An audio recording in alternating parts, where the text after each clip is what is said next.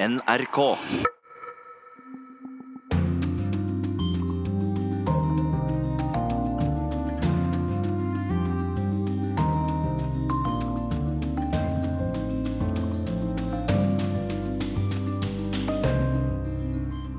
God formiddag, dette er Urix på lørdag med disse sakene.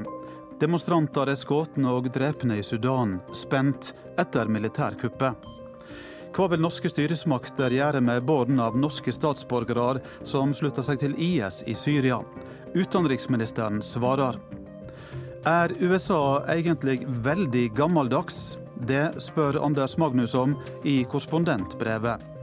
I podkasten Krig og fred er stikkordet Danmark.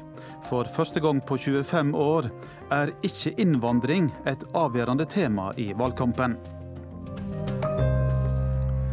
Her i studio den neste timen, Eivind Molde. I Sudan er 16 demonstranter skutt og drepne i hovedstaden Khartoum i løpet av de siste to dagene. De ble skutt da de deltok i en demonstrasjon. Det har vært mye uro etter at hæren avsatte president Omar al-Bashir torsdag i det som blir kalt et kupp, og som kom etter måneder med demonstrasjoner. Afrikakorrespondent Ida Dalbakk, hva skjer nå? Ja, det er eh, fortsatt tusenvis av eh, demonstranter i gatene som krever at denne militærjuntaen går av. I går kveld ble folk tvunget til å gå inn i husene sine klokka ti på kvelden pga. dette portforbudet som eh, militærjuntaen har innført. Men det var veldig mange som trossa dette, og som fortsatte å demonstrere i gatene, og som var der i løpet av natten, og som har fortsatt utover dagen i dag. Det har kommet meldinger om flere skudd utenfor Forsvaret Forsvarsdepartementet der de oppholder seg, eh, som trolig da skal ha blitt eh, avfyrt eh, mellom landets sikkerhetsstyrker og hæren. Og det meldes om at 26 personer er drept siden disse demonstrasjonene startet for en uke siden. Og Demonstrantene sier at de fortsatt vil demonstrere, fordi de ønsker seg et demokrati og ikke et militært styre i Sudan. Ja, hvordan er reaksjonen på at eh, generalen, den tidligere forsvarsministeren, trakk seg i går? Det har vært stor jubel eh, i gatene etter at eh, general Ibn Auf, som, Auf, som eh, ledet denne militærjuntaen, gikk av. Folk var rett og slett ikke fornøyd med at han skulle lede landet framover, fordi han har vært forsvarsminister og visepresident i regjeringa til president Bashir, som nå er arrestert og som folk ønsket å kvitte seg med. Og general Ibn Auf han er svartelista av USA Eh, fordi han var leder for den eh, militære etterretninga under konflikten i Darfur, der 400 000 mennesker er drept siden 2003. Og demonstrantene var nå rett og slett eh, glad for å bli kvitt denne generalen, fordi de mente at Bashir rett og slett bare hadde blitt erstatta av en som var like ille eller enda verre, og at regimet nå hadde stelt i stand et militærkupp for å bringe tilbake de samme personene som folket har protestert mot i flere måneder. Hva vet du om den nye generalen som nå har tatt over som leder for militærjuntaen? Nei, Abdel Fattel, eh, Abdel Fattah Abdel Rahman Boran eh, er eh, da en mindre kontroversiell general enn han som nå er avsatt. Han hører ikke til noe politisk parti, og han har hatt en rekke viktige militære stillinger, men han har ikke støtta Bashirs regime, sånn som forgjengeren. Altså han som var leder nå bare i et par dager. Han er ikke kjent for eh, folk eh, flest. Eh, første gang de fikk høre om han var egentlig i februar, da Bashir utnevnte han til generalinspektør. Dvs. Si altså den tredje øverste lederen i hæren i Sudan. Eh, og ellers så ser opposisjonen på han som en eh, dialogens mann, som er, til, som er i stand til å få til eh, endring. Han gikk ut og møtte demonstrantene i går. Og han har også et godt forhold til lederne for de ulike politiske partiene i Sudan, og er populær innad i hæren. Men til tross for at det nå kanskje knytter seg et visst håp til denne generalen, da, så, så krever demonstrantene et demokratisk styre. Og de vil jo ikke at militæret skal styre landet. og Derfor så fortsetter de demonstrasjonene i Khartoum. Takk skal du ha, Ida Dalbakk. Ehm, uroa i Sudan den starta for alvor i desember i fjor, da innbyggerne plutselig ble møtt av raskt stigende priser. Da ble også ei 22 år gammel kvinne med i protestene. Hun blir kalla Kandaka, den nubiske dronninga.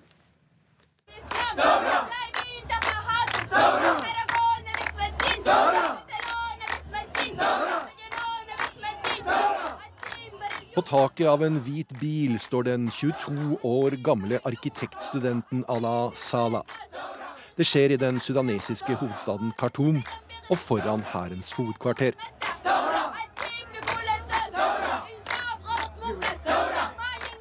Bildet av den unge kvinnen med store øreringer i gull, med kobberfargede sko og den hvite, tradisjonelle drakten tub når hele verden. Hun får kallenavnet Kandaka, den nubiske dronningen. Det var kandakane, de kvinnelige dronningene i landet Kush, som for 3000 år siden styrte området som nå er mesteparten av Sudan.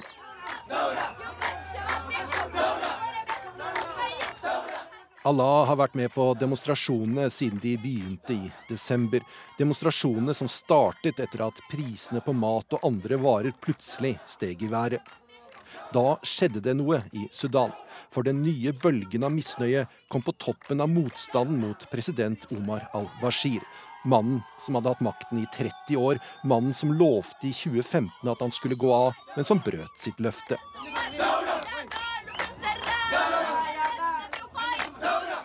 Demonstrasjonene nådde et toppunkt for en uke siden. Allah Salah roper linjer fra et dikt det er ikke kuler som dreper folk, det er stillhet, sier hun. Den unge kvinnen som har blitt symbolet på revolusjonen i Sudan, sier til mediene at hun er stolt over den posisjonen hun har fått. At hun er oppdratt til å elske sitt land, og at hun ikke vil stoppe før regimet er vekk. Så hun er fortsatt aktiv, til tross for at president al-Bashir er fjernet. Det sa reporter Halvard Sandberg. Gunnar Sørbø, du er sosialantropolog ved Christian Michelsens institutt, og du kjenner situasjonen i Sudan svært godt. Hvordan vil du karakterisere det som har skjedd i landet de siste dagene? Det er jo et land som er kjørt i grøften økonomisk og politisk i, i lang tid nå. Og eh, det er jo ikke godt å se hvordan dette vil ende, fordi det er fortsatt en del eh, skjær i sjøen. Men eh, det som skjedde i går ettermiddag, med en ny leder som sto fram, som ikke var medlem av regjeringspartiet, og som heller ikke var implisert, så vidt jeg vet, i eh, grusomheten i Darfur i det vestlige Sudan for, for 10-15 år siden, det var et skritt i riktig retning. Men Eh, president Bashir eh, sto eh, på toppen av en slags pyramide, kunne vi si, der det sirkulerte penger, og folk fikk stillinger, og folk fikk kontrakter og lisenser osv. mot lojalitet og mot støtte til regimet. Og det var overhodet ikke et utviklingsorientert regime rikt på ressurser, men eh, over eh, halvdelen av folkene er fattige i Sudan. Så, så, så det, er, det, er, veldig mye som skal gjøres her, fordi landet er på en måte kjørt i grøfta. Ja, så hva må, hva må, til, mener du nå, for å eh, komme videre etter det som har skjedd for så vidt over lang tid, men ikke minst nå de siste dagene? Nei, det er klart at På en eller annen måte så må det komme en dialog nå, forhåpentligvis med denne nye militære lederen. Eh, det er noen skjær i sjøen der også. For det første så eh, blir de jo invitert til samtaler med alle partier og alle grupperinger. Men det er 100 registrerte politiske partier i Sudan. Det er også krigshandlinger i Darfur fortsatt, eh, og en del andre steder i Sudan. For det andre så har jeg en klar følelse av, selv om det ikke har blitt omtalt noe sted, at de, de som organiserer disse demonstrasjonene, den såkalte Sudan Professional Association, at veldig mange av lederskapet befinner seg i utlandet og ikke i Sudan. Det kan være et, eh, noe som, eh, som gjør det litt vanskeligere en, på kort sikt, men det får vi se. Men det viktigste og vanskeligste kanskje vil være at den, denne styrende eliten, da, som teller ganske mange tusen, oppfattes jo som kriminelle folk. Eh, og eh, mange av de har jo også blod på hendene. Det må huske på at 30 år er lang tid. Det har vært mye vold, det har vært mye tortur, folk har blitt drept osv. Og, så og eh, disse, noen, av, noen tusen, som jeg sier, de må jo se seg sjøl nå. Hvor er de på andre siden av en mulig revolusjon og positiv endring? Hva må til for at overgangen skal kunne gå fredelig for seg? Nei, Jeg tror at disse partene må komme sammen til til, i samtaler, og, og, muligens noen former for amnesti. Eh, fordi at det kan lett tippe over i, eh, i, en situasjon der det skal være mange oppgjør som skal tas. Og det er noen rykter om at det allerede skjer i noen bydeler i Khartoum. Men vi må nesten håpe alle sammen, og det tror jeg alle sudaneserne er innforstått med. De har alltid sagt til meg vi ønsker ikke å bli som Somalia. Og, og, da må ansvarlige krefter eh, komme sammen. Og det er noen tendenser til at det skjer allerede nå i, i dag. Eh, vil eh, Sudan ha behov for hjelp utenfra for at overgangen skal lukkes, tror du? Altså nå På kort sikt så tror jeg at dette må gjøres i Sudan av sudaneserne sjøl. En faktor som heller ikke har blitt noe særlig omtalt, er landene i regionen. Egypt eh, og Saudi-Arabia f.eks. Eh, de ønsker ikke å se noen demokratiseringsprosess i Sudan. Eh, Saudi-Arabia har jo sammen med Qatar finansiert dette regimet. fordi at Da Sør-Sudan ble uavhengig, så tapte de store deler av sine oljeinntekter. Og de har vært for en stor grad finansiert av Qatar og Saudi-Arabia, som er i dyp konflikt med hverandre. Disse landene har nå sittet på gjerdet tydeligvis. Eh, og 1.4 stoppet Qatar, som, eh, Qatar Airways, som hadde 14 flyvninger i uken til Khartoum, stoppet alle flyvningene sine.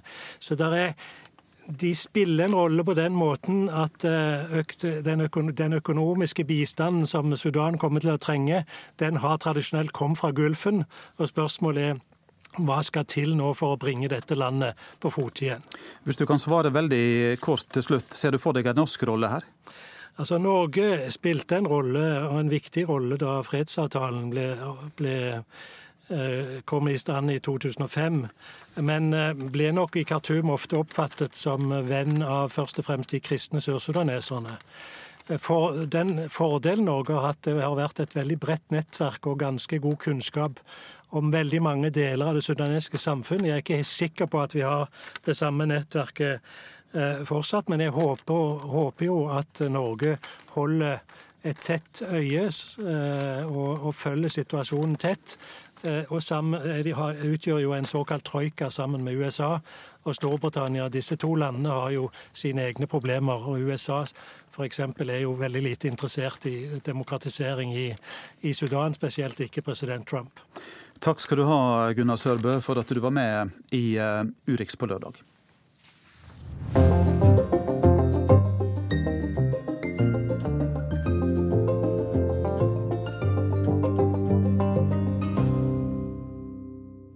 Hva vil eh, norske styresmakter gjøre med barn av eh, norske statsborgere som slutter seg til IS i Syria? Utenriksministeren er straks med oss direkte her i studio. Mange IS-kvinner og barna deres er jo nå i interneringsleirer i Syria. De lever der under vanskelige forhold, og flere har sagt at de vil tilbake til heimlandene sine. Få land har gjort noe aktivt for å hente dem hjem, og mens de venter, er det mange av barna som lir av sykdommer og krigsskader. En liten jente, hun er kanskje to år, ligger i en barneseng og ser opp i taket. Hun har sår i ansiktet. Jenta gråter ikke, men det er tydelig at hun har det vondt. I det samme rommet ligger en annen jentunge. Hun er underernært. Blikket er sløvt, hun greier nesten ikke å løfte armene. Det er ikke så mange krefter igjen i den tynne kroppen, kanskje hun snart skal dø. Dette sykehuset ligger utenfor Al-Hol-leiren i det østlige Syria. Mange av dem som kommer hit, er kvinner og barn som var en del av kalifatet til terrororganisasjonen IS. Det er pasienter overalt. De fleste er små barn. Mange har alvorlige sykdommer, mens andre har krigsskader. De minste lider mest.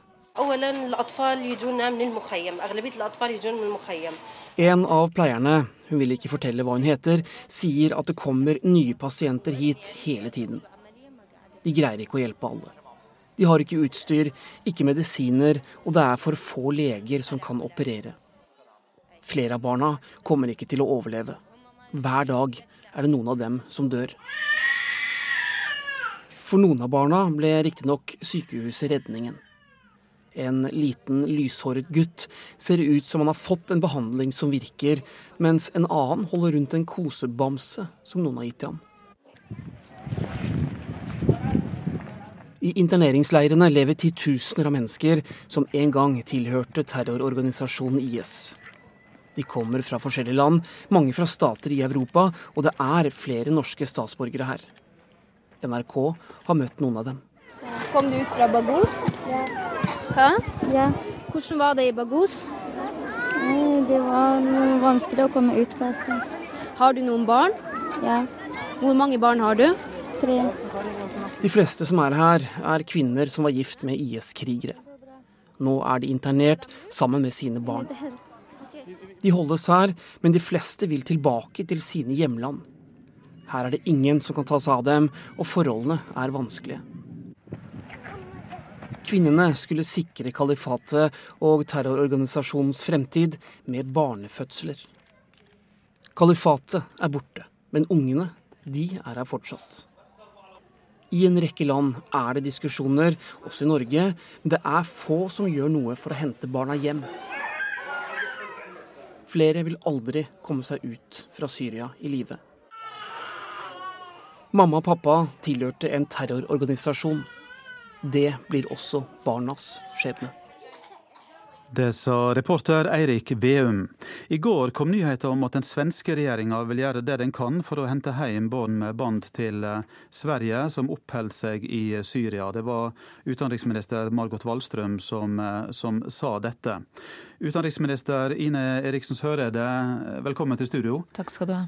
Vil du kunne gi tilsvarende signal på vegne av den norske regjeringa? Som statsministeren har sagt, så er det sånn som situasjonen er nå, ikke aktuelt å hente hjem norske fremmedkrigere eller barna deres. Men vi er veldig bekymra for barnas situasjon. De opplever ting barn ikke burde oppleve. Eh, og Derfor så jobber vi nå med å skaffe oss oversikt over situasjonen. Vi jobber veldig tett sammen med tolv andre europeiske land. Vi har nær kontakt med både humanitære organisasjoner og andre hjelpeorganisasjoner. Også for å få vite mer om forholdene i leirene, og ikke minst vurdere om det er noe de kan bistå med dersom det på et tidspunkt skulle bli aktuelt. Eh, jeg var i Sverige i går, eh, snakka med Margot Wallstrøm som er utenriksminister, og det hun har sagt er at de om mulig skal kunne føre barna til Sverige på et tidspunkt, men de må gjøre individuelle vurderinger. Dette er jo en sak som er veldig kompleks, der det ikke er noen enkle løsninger. Men det er noe av det viktigste vi nå gjør, er å skaffe oss en så god oversikt som mulig over situasjonen. Og vi har også i løpet av denne uka økt støtten vår til eh, denne Al-Hol-leiren, som er den leiren der eh, flere av eh, kvinnene sitter internert, for å kunne bistå med bedre helsehjelp. Og vi har allerede brukt mye penger på dette, men vi kommer til å fortsette med det, fordi situasjonen både for kvinner og barn er veldig vanskelig. Hvor vanskelig er denne saka å håndtere for norske styresmakter? Jeg opplever at eh, alle europeiske land som vi har en veldig nær dialog med, har veldig mange av de samme utfordringene. Det er eh, problematikk knytta til eh, leirene. altså Som Eirik Veum også her sa, så er det ca. 93% kvinner og barn i bl.a. Al-Hol-leiren. Det er en leir som er dimensjonert for 10 000, men som nå har ca. 80 000 mennesker. Og disse kvinnene som har hatt eller har IS-tilknytning, sitter jo i egne deler av denne leiren, som er veldig vanskelig tilgjengelig. Andre, den andre utfordringa er selvfølgelig problematikken knytta til identitet. Eh, det er veldig vanskelig å kunne fastslå norsk statsborgerskap og identitet, og det er veldig stor usikkerhet knytta til tall. Det vi vet, er at eh, flere av eh, de som oppgis å ha en norsk tilknytning, trolig ikke er norske statsborgere. Eh, og vi har også grunn til å tro at det for enkelte barn er sånn at de er født i Syria eller Irak, og dermed ikke har fått fastslått en identitet eller et, et statsborgerskap. Og så er det jo for alle land som vi også jobber tett sammen med, en utfordring at selv de landene som eh, ser på muligheter og, og løsninger, opplever at det er svært vanskelig å, å, å gjennomføre i, i, praksis. Og Det har med sikkerhetssituasjonen å gjøre. Det har også å gjøre med det at eh, det er vanskelig å fastslå identitet og statsborgerskap, som to eksempler. VG skriver i dag at du har søkt råd hos de fire regjeringspartiene for å få innspill til om Norge skal hente hjem barn av norske IS-kvinner. Kan du stadfeste det? Det er helt vanlig at en regjering konsulterer og diskuterer eh, vanskelige og store saker i sine stortingsgrupper. Det har vi selvsagt også gjort i denne saken, og det kommer vi også til å gjøre i framtidige saker. Men det viktige for oss er at vi nå skaffer oss best mulig oversikt over situasjonen. Den er kompleks og har ingen enkle løsninger. Det vi eh, erfarer, er jo også at denne situasjonen i de landene vi jobber tett sammen med, oppleves akkurat likedan. Jeg hadde senest denne uka en samtale med sjefen for Den internasjonale Røde Kors-komiteen. Der vi jo også tidligere og nå har vært i kontakt med dem for å høre om det på et tidspunkt kan være aktuelt for dem å bistå med f.eks. DNA-testing, som, som, er en, et krav for å kunne fastslå et uh, statsborgerskap og en identitet. Uh, men de har selvfølgelig også sine prinsipielle skranker fordi de er uavhengige og nøytrale mot å kunne bistå ulike uh, lands myndigheter med den type spørsmål. Så her finnes eh, rett og slett ingen enkle løsninger, selv om situasjonen for disse barna er veldig bekymringsfull. Ja, fordi at eh, vi, vi, skjønner jo alle at de har det vanskelig. Haster det ikke nå å, å finne ut av dette og, og få fram, få framgang? Mm. Ja, altså vi jobber jo med denne saken som jeg sa, for å skaffe oss best mulig oversikt over situasjonen. Og vi bistår med ekstra midler til bl.a. helsehjelp i leirene. Dersom det fantes raske eller enkle løsninger på disse sakene, så er jeg nok helt sikker på at eh, de også ville vært benytta i, i alle land.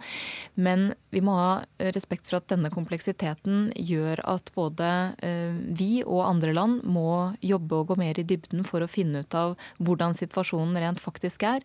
Hvem som eventuelt er norske statsborgere. Vi må få fastslått det. Og eh, så må vi da vurdere situasjonen ut fra det. Takk for at du kom i studio.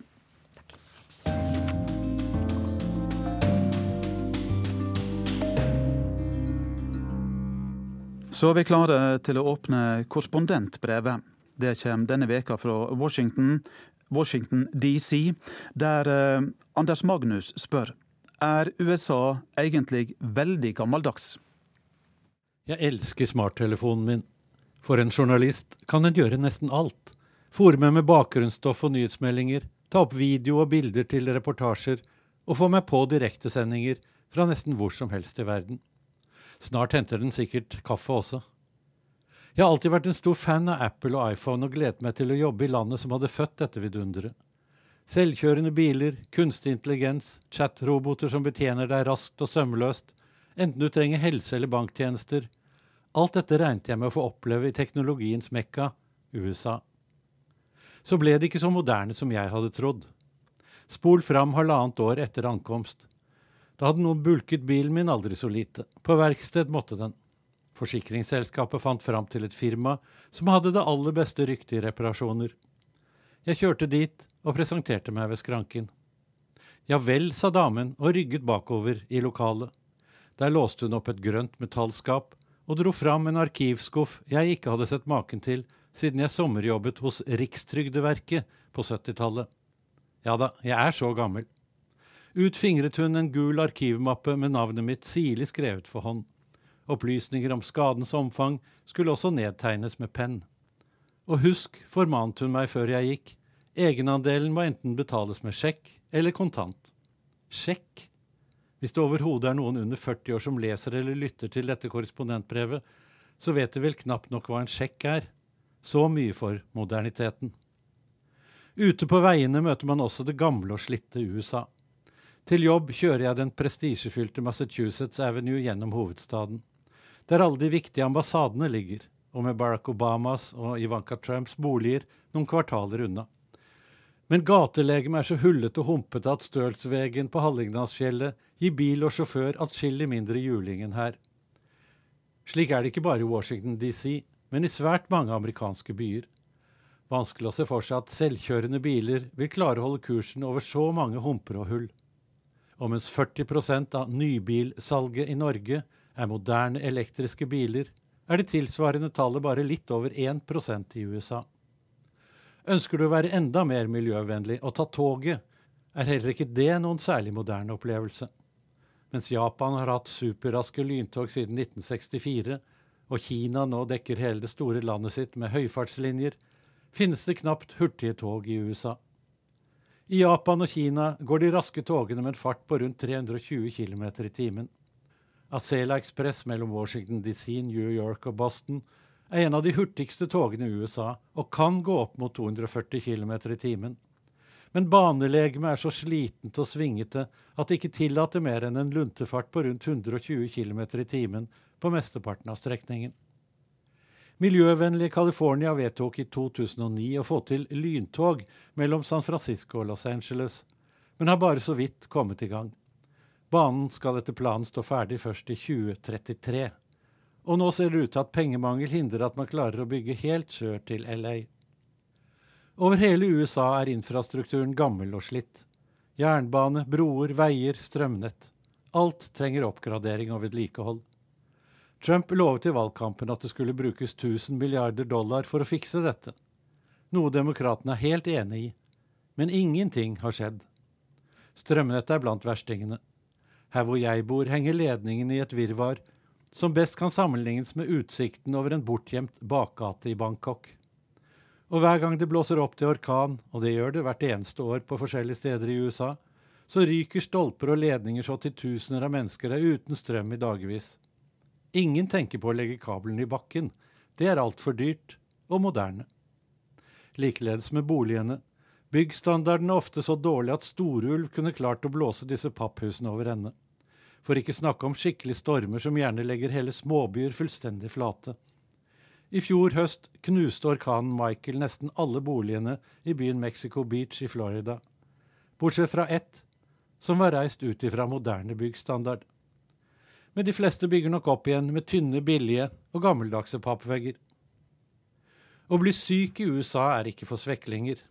Én ting er det tungrodde og kostbare forsikringssystemet, selv etter Obamacare. En annen ting er kampen mot sykehusbyråkratiet. Å bestille legetime er den første bøygen. Da må du gjerne sette av en time selv til å høre på uendelige telefonsvarerdamer som setter deg over fra det ene stedet til det andre. Moderne bestillinger på e-post er utelukket.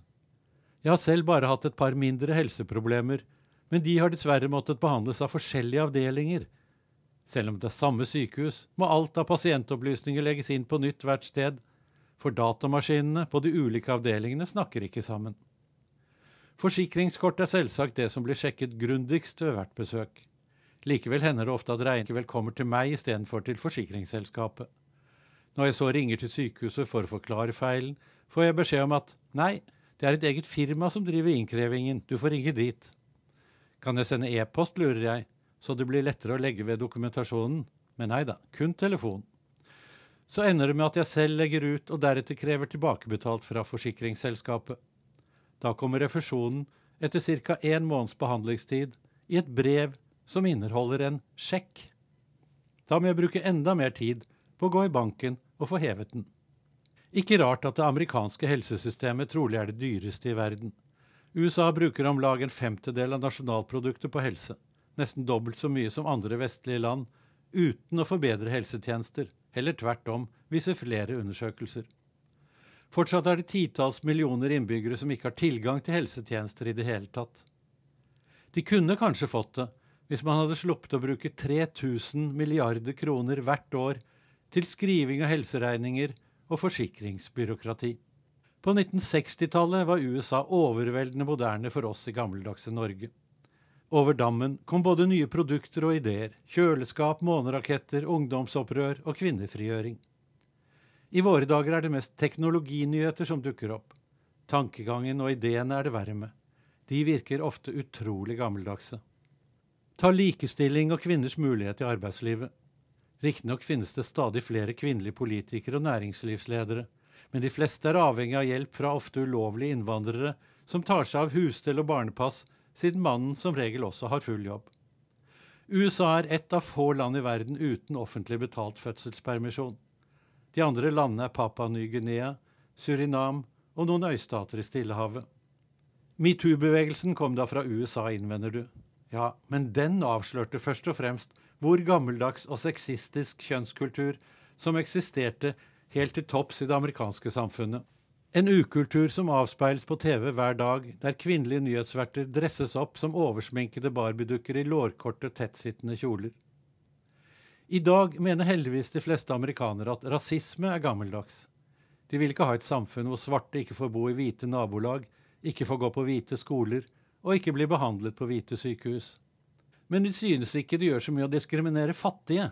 At rikfolk bor i avstengte luksusområder, studerer på de beste skoler og universiteter, og få bedre medisinsk behandling på egne sykehus med dyktigere leger og dyrere utstyr, det er helt ok. En Uber-sjåfør jeg kjørte med, bare ristet på hodet da jeg fortalte ham at både skolegang og helsetjenester stort sett er gratis for alle i Norge. Slik kunne man ikke ha det i USA, mente han. Da ville de fattige bare utnytte systemet. Du tjener da ikke så mye, innvendte jeg. Men han var fornøyd. Han klarte seg. Hadde penger til mat, hus og bil. Mye bedre enn folk i Afrika og Latin-Amerika. Det var slike land han sammenlignet sitt USA med, ikke med avanserte, moderne samfunn i Vest-Europa. Holdningene til de svakeste i samfunnet er et ømt punkt som avslører hvor gammeldags USA er. Overalt i de store byene ser man svært mange hjemløse, med sine plastposer og skitne tepper vandrer de gatelangs og har trappeoppganger som nattlig leie. En vesentlig andel av dem har alvorlige mentale problemer. Men fattige hjemløse har ingen penger til å betale dyr helsehjelp eller medisiner. Storsamfunnet har lite å tilby, selv i byer som San Francisco med en svært liberal og styrtrik befolkning. Dette er seriøse og økende problemer som ikke kan løses med en ny app på telefonen. Så er det dødsstraffen, da. En straffemetode fra middelalderen. Mer er det vel ikke å si om den. Så du skjønner, dette hypermoderne landet jeg trodde jeg skulle bo i, fantes ikke. Mindre deler av USA er nok veldig moderne, men store deler fortsatt svært gammeldags. Både når det gjelder tankegang og samfunnsforhold.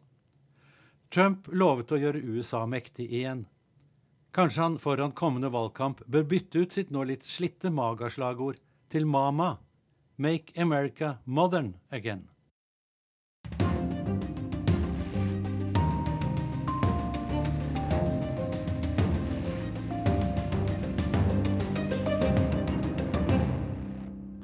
Alle de store politiske partiene i Danmark er samde om å bryte opp innvandrergettoer og kjempe mot såkalte parallellsamfunn med nye vedtatte lover. Dermed handler valgkampen om noe annet enn innvandringspolitikk for første gang på 25 år. Hvorfor tør danskene være så praktiske at de tar i bruk anleggsmaskiner i innvandringspolitikken? Det er klart for podkasten Krig og fred.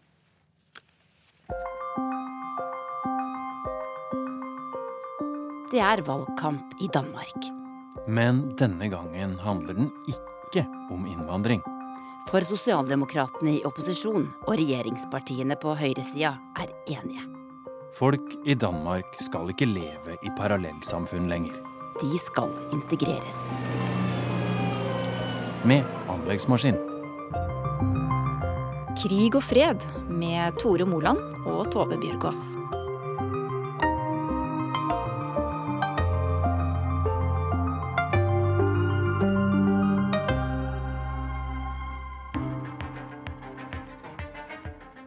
Vi vil simpelthen bryde disse ghettoer op. Og det vil man helt konkret nogle gange ved, at man simpelthen tager geografiske områder, hvor der ligger store boligblokker, og så siger man, at nogle af de her boligblokke skal simpelthen fjernes.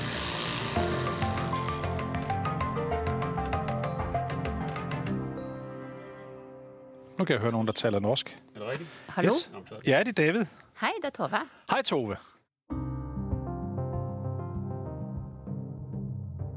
Jeg hedder David Træs, og jeg er folketingskandidat for Socialdemokratiet øh, til folketingsvalget, og jeg er uddannet journalist øh, og har skrevet øh, flere bøger, så jeg er også forfatter.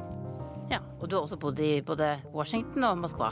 Ja, jeg har vært korrespondent i øh, Latinamerika og i Russland og i USA. Ja, og nå vil du bli politiker. Ja. Hvorfor det? Når man i mange år har dækket øh, politikk og vært meget tett på det, så for noen av oss blir det sånn at vi tenker vi vil gerne inn og påvirke samfunnet, og ikke kun beskrive det.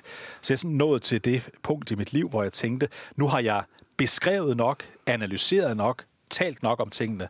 Nu vil jeg selv inn øh, på banen og, og bidrage med mine øh, politiske idéer. Men du David, jeg skal ikke skjule at vi kjenner hverandre fra Washington, der vi bodde, begge bodde i mange år. Og har jo litt vant til også å se våre egne land fra eh, utlandet. Ja. Eh, eh, når du kom hjem til Danmark igjen nå, eh, vil du si at det, det har forandret seg eh, hva det vil si å være sosialdemokrat i Danmark siden de siste fem-ti årene? Altså, Socialdemokratiet i Danmark har især innenfor det siste to til tre år øh, ændret sig i to retninger. Den ene er, at partiet på alt, der hedder socialpolitik, fordelingspolitik, økonomisk politik, er blevet sådan mere klassisk socialdemokratisk. Det er den ene ting, der er et vigtigt skifte. Den anden er på hele udlændinge- og integrationspolitikken, hvor Socialdemokratiet modsat hvad partiet sagde i rigtig mange år, pludselig anerkender, at antallet af folk, der kommer til Danmark fra tredje verdens lande, faktisk betyder noget. Og det er en stor ændring i forhold til, øh, hvordan Socialdemokratiet plejede at se på det her emne. Hva, hva ønsker dere å gjøre med det problemet? Øh, Det, som der er vigtigt øh, for os i Socialdemokratiet, det er at sige, at vi tror på, at integration kan lade sig gøre. Vi ønsker, at folk, der kommer fra fremmede lande til Danmark, skal fungere i Danmark, skal have et godt liv i Danmark. Men for at det kan lade sig gøre, så tror vi, at det er afgørende, at vi har en eller anden kontrol over, hvor mange øh, der kommer til øh, Danmark, og frem for alt, hvor mange af dem, der kommer som flygtning, der rent faktisk bliver her. For vi kan jo se, når vi kigger i nogle af vores boligområder, især i vores største byer, altså København og Aarhus og Aalborg øh, og Odense, så kan vi se, at der er områder, hvor der har udviklet sig øh, parallelt samfund, hvor der er meget høj arbejdsløshed, hvor der er en høj grad af kriminalitet, og hvor der er en meget lille interaktion med resten af samfundet. Det vil vi gerne gøre noget ved. Vi vil gerne have, at alle, der bor i øh, Danmark, er en del af det danske samfund. Og du snakker om parallellsamfunnet. og Den nåværende regjeringen har laget en, en slags plan for å bli kvitt disse parallellsamfunnene. Det er noe som heter gettolister. Kan du fortelle meg hva det er? Ja, det der ligger i, øh, i, i både den plan, som den nuværende regjering har lagt frem, og som Socialdemokratiet i øvrigt på lange stræk øh, støtter, det er, at vi sier vi vil simpelthen ikke akseptere at der er store lommer i samfundet, øh, som sagt især i forbindelse med våre store byer, som i virkeligheten lever i en slags parallellsamfunn, hvor børn vokser op uden at lære øh, det danske sprog godt nok, øh, hvor øh, mange mennesker bor uden overhovedet at have noen samkvem med resten av samfunnet, hvor der er for mange, der er arbeidsløse, hvor der er for mange, der er kriminelle. Kort sagt, hvor det er for vanskelig for folk, der bor i de her områder, å bli en del av samfunnets midte. Og derfor går man inn og sier at vi vil simpelthen bryde disse ghettoer opp. Så dere vil tvangsflytte mennesker? Det vi vil, det er, at vi vil sige, at der i visse boligblokke kun må være en vis andel av folk med ikke-vestlig baggrund. Og det er ikke sådan, at vi vil smide folk ut av deres bolig i dag, men fremadrettet, så vil vi sørge for, at sammensætningen i de her boligblokke mere afspejler øh, det egentlige samfund. Så vi vil jo også sige, at man kan også se på det her på en mere positiv måde. Vi vil sørge for, at der i nogle af de områder i Danmark, hvor der i dag næsten ingen er med vestlig baggrund, ja, der vil vi sørge for, at der er boliger til øh, folk med ikke-vestlig baggrund, sådan, så de kan blande sig mere med det omkringliggende samfund, og sådan, at det omkringliggende samfund alle steder også øh, oplever den øh, mangfoldighed, der er i at have forskellige typer af baggrunden.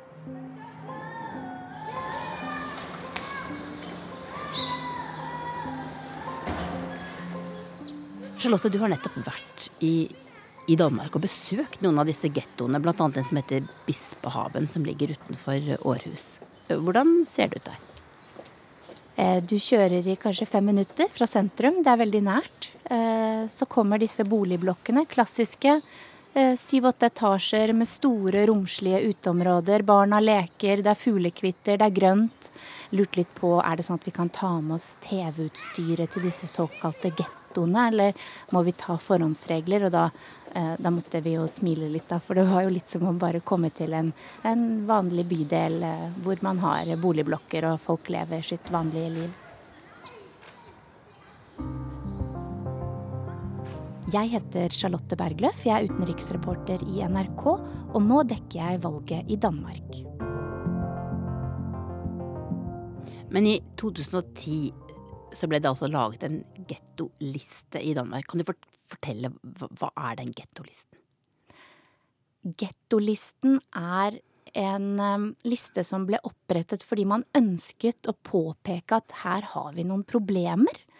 Eh, det er problemer alle er enige om at er der. Man har fått en opphopning eh, av ulike problemer innenfor små områder. Det første kriteriet det er at over 50% av befolkningen i områdene må ha såkalt ikke-vestlig bakgrunn. Um, og så, for å havne på gettolisten, så må du også da slå ut på to andre kriterier, og det handler om arbeidsledighet, om um, kun grunnskoleutdanning, om kriminalitet, uh, slike ting som måler da om folk er i arbeid, eller om de er trygdede, og, og hva slags liv de lever i disse områdene. Rundt om i landet er det parallellsamfunn. Mange mennesker med de samme problemer er klumpet sammen og det skaper en negativ spiral. 22.11. i fjor vedtok et stort flertall i det danske folketinget den såkalte gettopakka til statsminister Lars Løkke Rasmussen. Den borgerlige regjeringen har som mål å skape et Danmark uten parallellsamfunn innen 2030. Det støtter også Mette Fredriksen, som leder Sosialdemokratene. Så skal vi ha integrasjonen til at fungere bedre herhjemme. Derfor er jeg glad for de aftaler, vi har lavet om at bekæmpe parallelsamfund i Danmark. Det er blot endnu et eksempel på, at udlændingepolitikken ligger fast.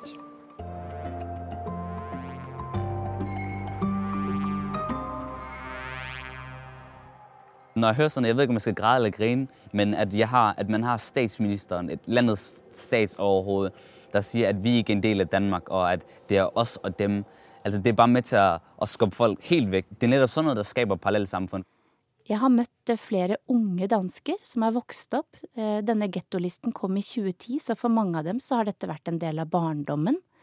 For eksempel eh, en gutt på 19 år som har foreldre som kom til Danmark fra Somalia. Han er selv født og oppvokst i Århus, heter Yaya Hirsi. Akkurat ferdig med artium og har tatt folkehøyskole. Nå jobber han før han skal begynne å studere til høsten. Og han forteller at dette har vært som en klamp om foten.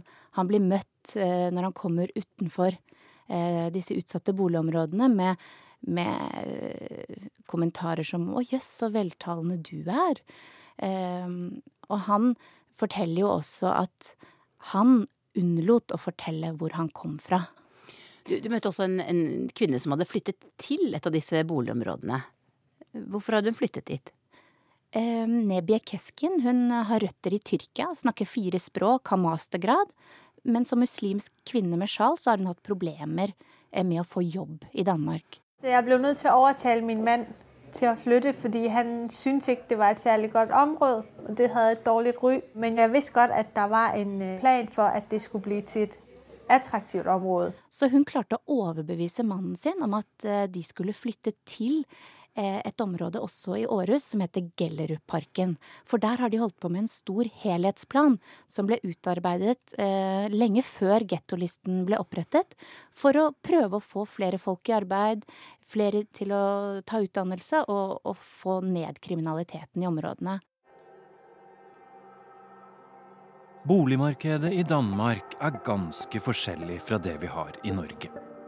Bare 50% av danske husholdninger eier sin egen bolig. I Norge er andelen 77% Dessuten har danskene noe vi ikke har. De kalles allmenne boliger. Det er subsidierte utleieboliger som myndighetene har kontrollen over. Og har du behov for en sånn, kan du få leie en billig. Det fins mange allmenne boliger i områdene på gettolista. Og nå kan altså noen av dem bli revet, og beboerne flyttet. I en allmenn boligforening så leier man også sin bolig, men Ja. i tillegg så finnes det en slags felleskasse. Ja, du er med å spare i en felles sparebøsse. Eh, Og når man da trenger å renovere, f.eks. kjøkken, bad, man trenger å ruste opp utearealer, så kan man bruke av denne kassen. Eh, Og så får man da nye fine kjøkken og fine bad, og man får kanskje hyggeligere utearealer. Og tanken med også renovering har jo vært at man eh, får tryggere områder. Og det denne Danmarks allmenne boliger, foreningen, eh, forteller Jeg møtte deres administrerende direktør. Det han frykter, er jo at man nå skal i gang med å rive en rekke boliger som beboerne har vært med på å renovere og ruste opp. Og så skal ikke engang de beboerne som har vært med på det spleiselaget, få lov til å bo der lenger. Og de lever nå med denne usikkerheten om hvem får bli, og hvem skal ut. Men du David, når du reiser rundt og snakker med, med velgere i, i, ditt distrikt, det er sikkert også velgere der med innvandrerbakgrunn. Hva, hva, hva sier de til disse forslagene? Øh, Det er meget forskelligt, fordi vi skal jo huske på, at, at øh, de folk, der er kommet til Danmark med ikke-vestlig baggrund igennem øh, de sidste mange år, de fleste af dem fungerer jo rigtig godt i samfundet. De fleste af dem er i gang med at tage en uddannelse eller har fået et arbejde, og alle, de fleste kurver viser jo, at det går fremad i forhold til uddannelse og arbejdspladser. Så den type af indvandrere, som klarer sig godt, er jo langt hen ad vejen glade for, at kunne se, at der også skabes en mulighed for, at deres børn og deres venners børn får en bedre chance for at få succes her i samfunnet. Så er der selvfølgelig også nogle steder i Danmark, hvor der er folk med indvandrerbaggrund, eller folk, der kommer til for kort tid siden, som ikke er tilfreds med, at, at de ikke bare kan få lov til at bli boende, hvor de bor. Så der er sånn forskellige ønsker og tanker omkring det her, når man taler med folk fra, fra, fra innvandringsmiljøet. Men det er jo også viktig også å holde fast i, at i nogle af de her boligkvarterer, øh, som er gået fra, at de måske for en generation siden var beboet udelukkende af folk, øh, der var danske i mange generationer, til at det nu pludselig er områder, hvor der næsten kun bor folk med ikke-vestlig baggrund. Ja, der er der jo også nogle, nogle, nogle danske familier, øh, der bor, som også har lyst til at bo i et samfund, der mere afspejler den virkelighed, der er hele Danmark. Altså Det danskene eh, nå eh, prøver å gjøre, det er noe som ligner litt på det, det Canada har gjort tidligere. De, de ønsker seg eh, høykvalifisert arbeidskraft, for det er det etterspørsel etter i det danske arbeidsmarkedet. Jeg heter Grete Brochmann. Jeg er professor i sosiologi ved Universitetet i Oslo. Og jeg har jobbet i mange år med, med innvandring fra veldig mange forskjellige vinkler. Samtidig så ønsker de, så langt det overhodet er mulig innenfor et menneskerettslig regime, å, å stenge ute uh, disse andre typene innvandring, så de som er humanitært begrunnet. Asylsøkere og uh, familiegjenforente, men, men, også kvoteflyktninger, faktisk. Altså FN-flyktninger, som, som, de ofte kalles i, i uh, vår sammenheng. Hvorfor tror du det, det er såpass bred enighet om dette nå i Danmark? Det er jo annerledes enn det vi ser i, i både i Sverige og, og i Norge. Ja, altså Det har vært en, en, en, litt ulik dynamikk i disse tre landene partipolitisk. Eh, og det er eh, veldig viktig her. Men, men, det er nok eh, riktig også å si at altså, de aller fleste land ville jo, hvis de kunne velge fritt, ønske seg høykvalifisert arbeidskraft, og samtidig ønske at de ville få færrest mulig som ble en belastning for velferdssystemene. Så det, det er ikke originalt for Danmark. Men, men Danmark går veldig mye lenger enn det andre land prøver på, inkludert Sverige og Norge, når det gjelder å, å forsøke å stenge ute disse, disse gruppene. Men det, det, Danmark har prøvd på siden århundreskiftet, det er å sende veldig tydelige signaler internasjonalt om at det er ikke noen god idé å prøve å komme seg til Danmark, fordi at det er et mye mindre gjestmildt klima. Det er mye barskere å få velferdsgoder, det skal være sterke krav til at man kommer seg raskest mulig i jobb.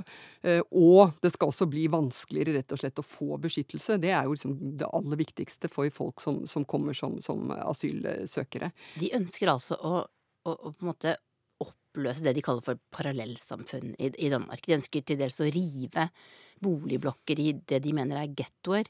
Flytte folk. Kunne vi gjort det i Norge?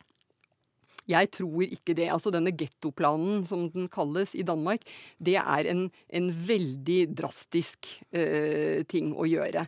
Altså det, det, det, som kanskje er mest oppsiktsvekkende, er at de har innført en, en kriminallovgivning uh, som, som, er på en måte skreddersydd for gettoområdene. Det, det, tror jeg ikke uh, overhodet hadde vært mulig å, å, gjøre tilsvarende i Norge.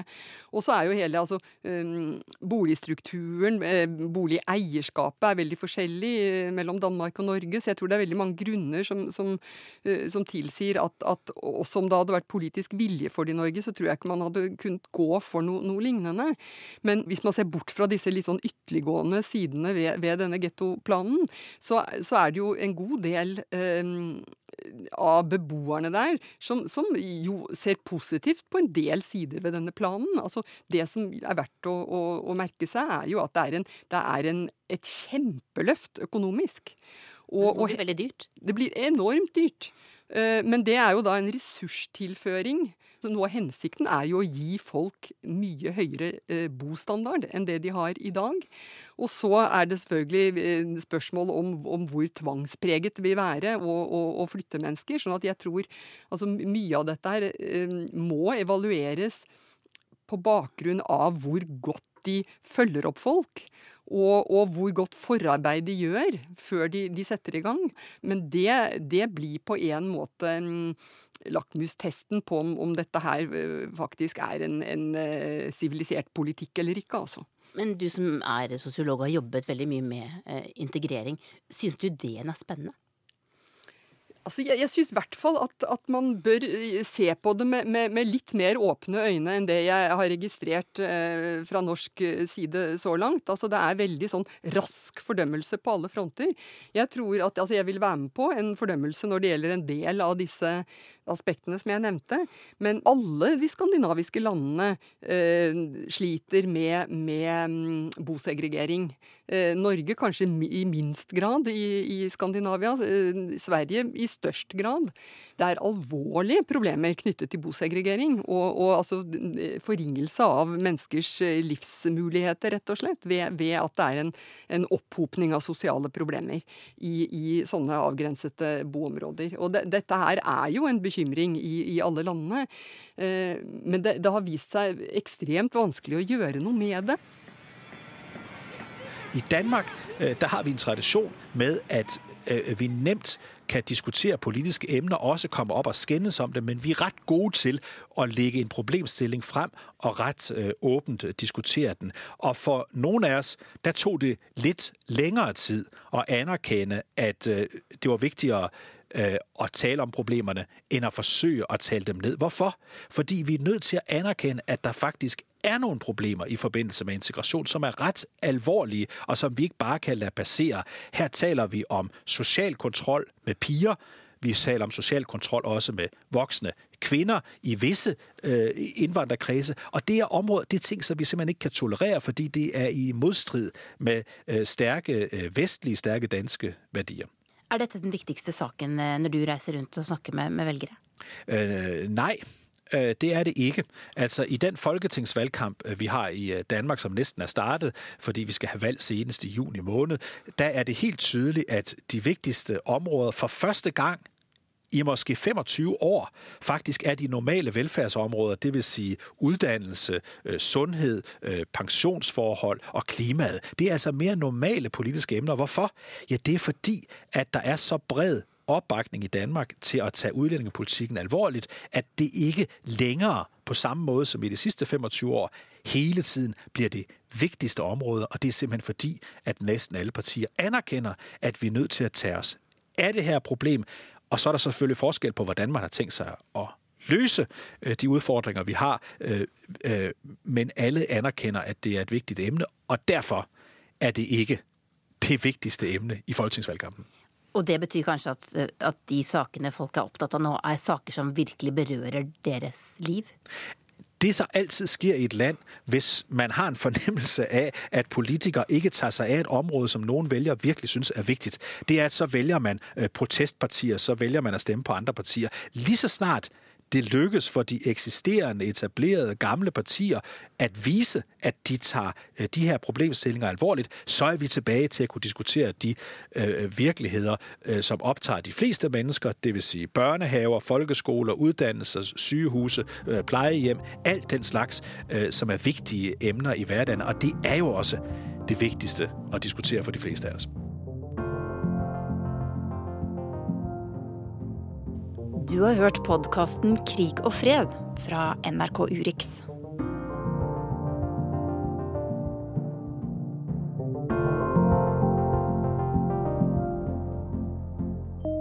Podkasten var laga av Tore Moland og Tove Bjørgaas. Lyddesign Lisbeth Sellereite. Og i morgen kan du bli med til Danmarks gettoer i Søndagsrevyen. Hva vil styresmaktene gjøre med barn av norske statsborgere som slutter seg til IS i Syria? Det har vært en av hovedsakene i Urix på lørdag. Rundt 100 personer med norsk tilknytning reiste til Syria, og på nrk.no kan du lese om hvem de er og hvorfor de valgte et liv med vold og terror.